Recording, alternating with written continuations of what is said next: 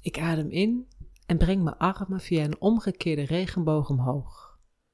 Daarna adem ik uit en vouw mijn bovenlijf naar beneden terwijl ik mijn armen terug naar beneden cirkel. Zo blijf ik een paar ademhalingen in de vooroverbuiging hangen. Op een inademing kom ik weer omhoog. Zo, dat was de gehele yoga-sessie voor vandaag. In mijn nopjes met mezelf loop ik weg. Dat was gewoon zalig experimenteren. Is dit wat er overblijft na twee weken yoga-uitdaging? Misschien vind je het een beetje karig. Hoe kan ik dan toch in mijn nopjes zijn? Luister wat ik leerde van de Overpsychologie Yoga Challenge.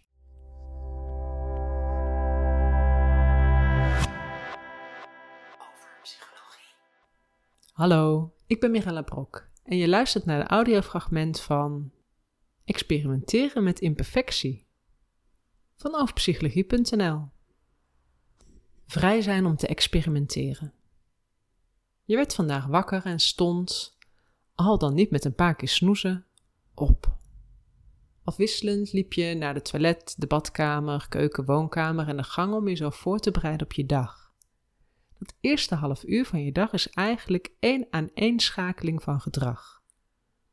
Het volgende tijdblok waarop je jezelf naar je eerste dagtaak beweegt en die dagtaak uitvoert, is wederom een ketting van gedrag. Zelfs wanneer je een moment pauzeert, stilzit, dagdroomt, voor je uitstaart, spreken we over gedrag. Je kunt eigenlijk niet geen gedrag laten zien. Leven is een aaneenschakeling van gedrag. Als het leven een aaneenschakeling van gedrag is, dan kun je dat gedrag ervaren en ermee experimenteren. Gedrag hoeft niet perfect te zijn of steeds te verbeteren, zolang je maar doet. Een theoretisch uitstapje.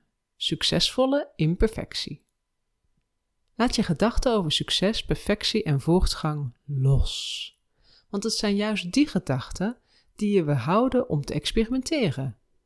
Aldus Leahy. Hij zegt: dagelijks toewerken naar je doelen, terwijl je die dingen imperfect doet, opnieuw werken aan wat je hebt gedaan en in staat zijn om genoegen te nemen met meer in plaats van het beste, helpen je om voortgang te boeken. In zijn boek Luister niet altijd naar je gevoel inspireert Leahy om je doelen klein en haalbaar te houden. Sta je niet blind op doelen die je wenst te bereiken. Kijk in plaats daarvan naar jezelf zoals je nu doet. Zie het gemiddelde van wat je over het algemeen bereikt. Hou van jezelf zoals je nu bent, wat je nu doet en nu kunt. Experimenteren, hoe doe je dat?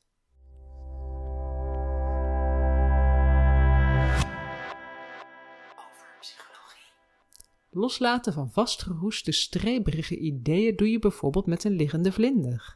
En dankzij experimenteren. Het enige dat je nodig hebt is een welwillende geest. Deze wordt je aangeboden door overpsychologie. En een yogamatje. Experimenteren. Hoe doe je dat? Liefdevol experimenteren is nogal een delicaat werkje. Enerzijds is het de bedoeling om jezelf wat druk op te leggen, om nieuw gedrag te oefenen, een experiment lukt namelijk met doorzettingsvermogen. Dus 1. Bepaal allereerst je doel. 2. Verzin daarna een plan op maat, zodat je jouw doel kan behalen. 3. Voer je plan vervolgens uit. Anderzijds is het de bedoeling om jezelf wat falen toe te staan. De sleutel is liefdevol te kijken naar je gedrag, om jezelf daarna bij te sturen met haalbare en op maat gemaakte gedragsveranderingen. 4. Kijk hoe het uitvoeren van jouw plan gaat. 5. Pas je plan aan, zodat het plan jou en je doel dient en voer het opnieuw uit. 6. Doorloop deze stappen 1 tot en met 5 steeds weer. Besef jezelf dat een experiment je kwetsbaar maakt. Als je iets nieuws probeert, zul je falen. Wijs jezelf niet af als je met vallen en opstaan leert. Ben trots op je pogingen. Een theoretisch uitstapje. Naar jezelf kijken zonder jezelf af te wijzen. Ontmoet Yang, een absolute held in vrij experimenteren. Hij is ten eerste in staat om liefdevol te kijken naar zijn eigen gedrag.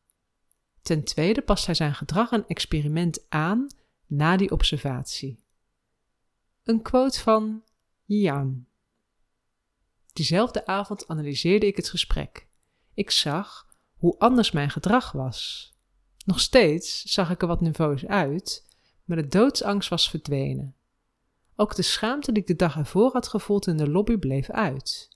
Ik was pas twee dagen bezig, maar ik had mijn eerste grote les geleerd. Meteen nadat de paniek was verdwenen, kwam ook mijn creativiteit weer op gang.